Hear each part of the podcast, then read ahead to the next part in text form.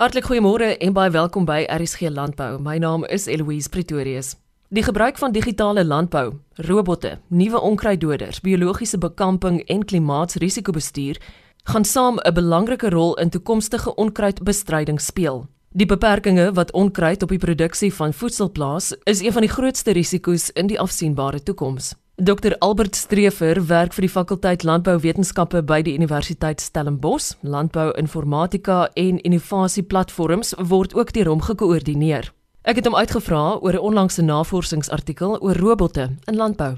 Ja, dit gaan eintlik oor die toekoms van van landbourobotika en ook die toepassing daarvan plaaslik. Ek dink dit is die groot ding waarop ek moes kommentaar lewer is meer die plaaslike toepassing terwyl daar baie artikels geskryf is al en op veral op die uh, hoofstroom media baie gesê is oor landbourobotte en ook baie interessante opmerkings rondom hoe hulle gaan lyk en en hoe hulle grootte gaan wees. So, so ek dink die artikel wat ons geskryf het, ek het 'n uh, bydrae gelewer en daar was ook 'n professor van die universiteit daar in Universiteit van KwaZulu-Natal, Prof. Jan Stopfus. Hy het ook 'n uh, bietjie kommentaar gelewer en uh, die artikel is gedoen saam met Lennis uh, Kriel daar van Farmers Weekly.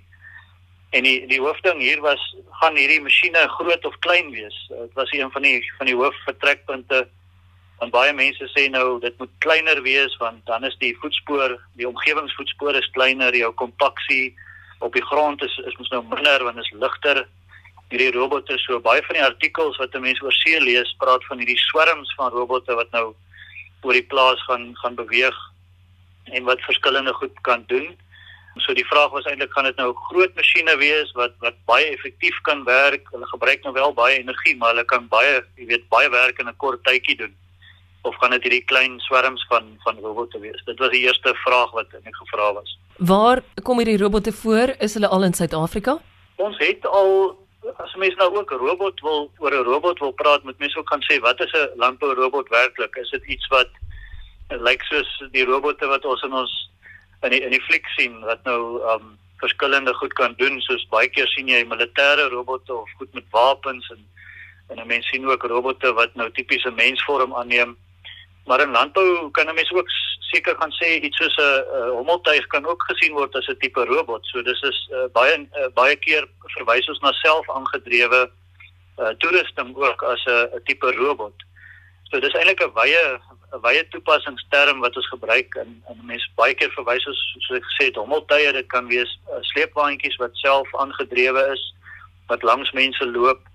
In baie gevalle kan 'n mens ook dan nou kyk na autonome trek trekkers of planters wat ook soos 'n robot kan kan kan beweeg. So, so ons praat baie keer van self-aangedrewe voertuie en dan kan dit nou wees dat hierdie voertuie spesifieke aksies uitvoer of dan nou ander ander implemente kan trek. So so die term robot is die eerste ding wat ek dink mense moet gaan definieer en en ja, daar is al sulke tegnologie in Suid-Afrika waar autonome uh, trekkers is is al beskikbaar, autonome 'n uh, spuittoerusting wat wat kan varierend spuit en ook kunsmistoedieners wat varierend kan toedien.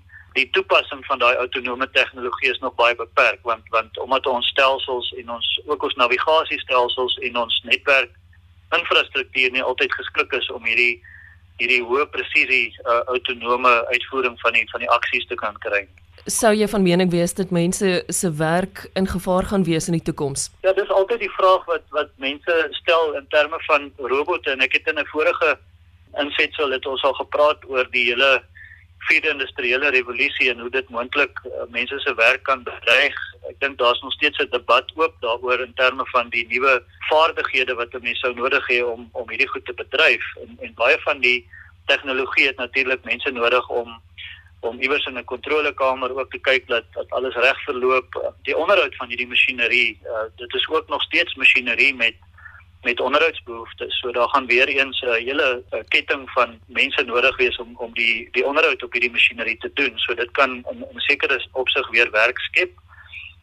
En dan ook jou verskaffers en jou kleiner maatskappye wat dalk gaan inkom om verskillende elemente van hierdie toerusting te kan te kan diens ook die data daar daar uit die data wat verwerk moet word moet mense kan kan gebruik en en en kan verwerk word so so en ook konsultasie rondom dit so ek dink as jy mens kyk na handearbeid is daar's ook verskeie industrieë waar dit in landbou waar dit baie moeilik gaan wees om sekere aksies net met robotte te vervang. Ek dink aan die pluk van vrugte in 'n boom. Baie keer in in die wingerdindustrie waar ek nou baie werksaam is, kan 'n mens uh, weet 'n groot oesmasjien instuur in die wingerd in, maar in die geval van 'n tafeldrywe wingerd byvoorbeeld of in vrugteboorde, is dit 'n presisie aksie wat jy nodig het. En alhoewel al plukkers en robotiese plikkers beskikbaar is oor see, is die die koste van daai tegnologie is is geweldig uh, beperkend vir die toepassing in Suid-Afrika. En en en ek dink dis een van die grootste faktore ook behalwe vir die koste van die invoer van hierdie hierdie uh, toerusting, moet mense ook vra wie gaan dit plaaslik diens? As hierdie as as fabrikasies is of probleme is met hierdie toerusting, het jy ook iemand nodig wat plaaslik die kundigheid het maar ook die parte dra om hierdie hierdie toerusting te te onderhou. So dis een van die groot bekommernisse. Ek dink nie in die in die volgende uh 5 tot 10 jaar laat ons sommer net gaan sien dat mense se oesaksies of se snoeiaksies um in ons wingerde en boorde byvoorbeeld net vervang gaan word deur deur robotte nie en die koste is 'n groot faktor maar ook die diens van hierdie hierdie toerusting. Albert, waar in Suid-Afrika word dit op die oomblik ontwikkel? So daar's byvoorbeeld in die in die uh, wingerde en boorde is daar maatskappye wat ek dink aan aan Red Ant uh uh, landbou ingenieursdienste wat byvoorbeeld die kunsmisstrooiers plaaslik ontwikkel. Hulle bou presisie kunsmisstrooiers teen 'n fraksie van die koste van die ingevoerde modelle plaaslik. Hulle het ook auto nie autonome nie, maar self aangedrewe sleepwaens wat hulle ontwikkel. En en daar's sulke gevalle van van plaaslike ingenieurs wat baie uh, baie nader aan landbou beweeg en baie werk begin doen om om autonome toerusting meer bekostigbaar te maak vir die plaaslike mark. En ek dink in 'n mate is dit die toekoms want daardie ingenieurs saam met die landbouers en die konsultante verstaan die, die plaaslike uh situasie onder uh, die, die plaaslike kondisies waar waaronder daai toerusting moet werk. So hulle kan die nodige aanpassings maak. Ek sien byvoorbeeld in die artikel wat ons geskryf het, nog genoem dat hierdie swerms van robotte, jy jy het redelike voorbereiding nodig vir jou lande voordat jy hierdie robotte net kan instuur. Jy moet die klippe verwyder, jy moet die land op 'n spesifieke manier uh, gaan plat kry sodat hierdie hierdie toerusting kan effektief werk. Jy kan gaan kyk bietjie aanlyn uh, wat hoe lyk hierdie swerms van robotte, die die voorstellings, uh, grafiese voorstellings van hoe hulle gaan lyk. Van hulle is nog net in prototipe. En as jy na daai wielietjies kyk, dan weet ek nie hoe daardie toerusting altyd in 'n Suid-Afrikaanse veral hier in die Wes-Kaap met ons lekker styl terreine en en, en ongelyke terreine gaan funksioneer nie. Maar hierdie ingenieurs wat hierdie goed plaaslik bou, weet hoe lyk die terrein, Hulle verstaan die klimaat, hulle verstaan ook die praktyke wat ons uitvoer en hulle kan dan hierdie toerusting aanpas en en regtig ingenieurs uh ingenieurskennis en ingenieursvaardigheid uh, toepas om die probleme op te los. So ek sien nogal dit as 'n groot geleentheid ook vir plaaslike maatskappye en vir die ingenieursveld om ook baie nader aan die landbouveld te beweeg om hierdie die toerusting plaaslik te kan uh, ontwikkel. Dink jy die bou en die ontwikkeling hiervan is iets wat by landbouleer ingesluit moet word in die toekoms? Ja, ek het al voorheen op 'n paar forums gesê dat ons eintlik 'n probleem in die landbou onderrig waarby ek ook betrokke is waar ons nie landbouingenieurs meer oplei nie. Ek dink daar's een universiteit in Suid-Afrika waar landbouingenieurswese nog um, nog wel op die kurrikulum is. By Stellenbosch Universiteit byvoorbeeld het ons nie 'n landbouingenieurswese kursus as sulks nie, maar ons het wel gevalle waar landbouingenieurs waar, waar ingenieurs saam met landbou studente byvoorbeeld werk aan projekte So so dit is iets wat ek dink as jy kyk in Amerika, ek dink ek het laas getel 48 universiteite wat een of ander vorm van landbouingenieurswese aanbied. So ek dink wel dat 'n mens moet gaan kyk na na die hibriede model waar jy wel 'n tipe kursus, nagraadse kursus het waar jy landbouers kan ingenieursvakke um, kan kan aanbied voor en waar jy ook die ingenieurs nader aan die landbousektor kan bring. En ons kyk nou ook by die universiteit na sulke geleenthede veral op nagraadse vlak met met ingenieurskursusse waar jy kan spesialiseer en waar jy landbou kan inbring en andersom. Albert, waar kan 'n mens meer lees en te wete kom oor robotte in landbou? Daar's verskeie bronne wat van inligting daar buite, maar baie van daai bronne van inligting oor robot, robotika en en en ook tegnologie toepassing in landbou is is in die internasionale literatuur. Daar's baie op die internet beskikbaar. Ons het nou onlangs die artikel wat verskyn in die Farmers Weekly waar ons gesels oor die toekoms van landbou robotika en se artikel deur Dennis Kriel geskryf en in daai artikel het ons die voor en die nadele uitgesit en ook die toepassing van hierdie robotte in Suid-Afrika. Ons het ook gepraat daaroor die energie en die feit dat ons uh, kyk ook na sonkragenergie en, en volhoubare energiebronne wat moontlik in hierdie toerusting en ek noem dit nou toerusting want dit is nie net robotte nie, dis ook um, verskillende implemente in landbou waar die geleentheid is om elektriese motors te inkorporeer byvoorbeeld in trekkers.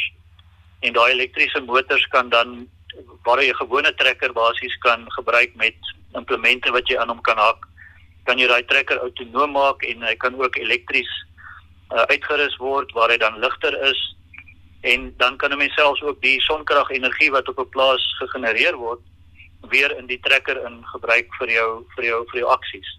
Ons noem dit ook 'n uh, sirkulêre uh, agronomie of uh, circular agronomy soos hulle dit noem in Europa is dat jy ook die energie siklus op die plaas kan voltooi en waar jy wel, wel weer jou energie wat ons in die in die landelike gebiede natuurlik uh, baie van het, ons veral in Suid-Afrika aan sonkrag weer kan investeer in jou prosesse. Nou, ons weet diesel raak duurder en al die aksies met diesel voertuie op die plaas raak duurder. So dis miskien iets waarna ons in die toekoms baie meer kan kyk en ons ons het ook in die artikel daaroor gesels. Baie interessante onderwerp. Albert veronderstel ek het een of twee vrae wat ek aan jou wil rig. Wat is 'n goeie manier om met jou in verbinding te tree? Ja, so ek is uh, op my e-posadres beskikbaar. Ehm um, dit is ook in die artikel gemeld. Ehm um, ek sien ook Prof Rian Stopford wat ook werk op op hierdie tegnologiese toepassing. Sy um, e-posadres is ook in die artikel. So die e-posadres waar ek bereikbaar is is a e s t r @sun.ac.za. So dis s u n.ac.za a e s t r @sun.ac.za. Ja, ek dink dit is interessant. Jy, jy het gevra oor die plaaslike maatskappye. Ek het nou eintlik uh, ook 'n een of twee maatskappye al teëgekom wat wat met byvoorbeeld blou bessies die blou bessie plukproses 'n bietjie begin werk doen met um, saam met van die plaaslike uh landgoedere hier in in die Wes-Kaap. En dis interessante tegnologie want dis basies ek het voorheen gepraat oor sinergistiese tegnologie, tegnologie wat eintlik 'n persoon help in sy werk. 'n Voorbeeld daarvan is elektriese snoeiskerre waar jy die moeilike werk eintlik vir 'n vir 'n elektriese apparatuur gee waar waar dit net die die proses baie makliker maak.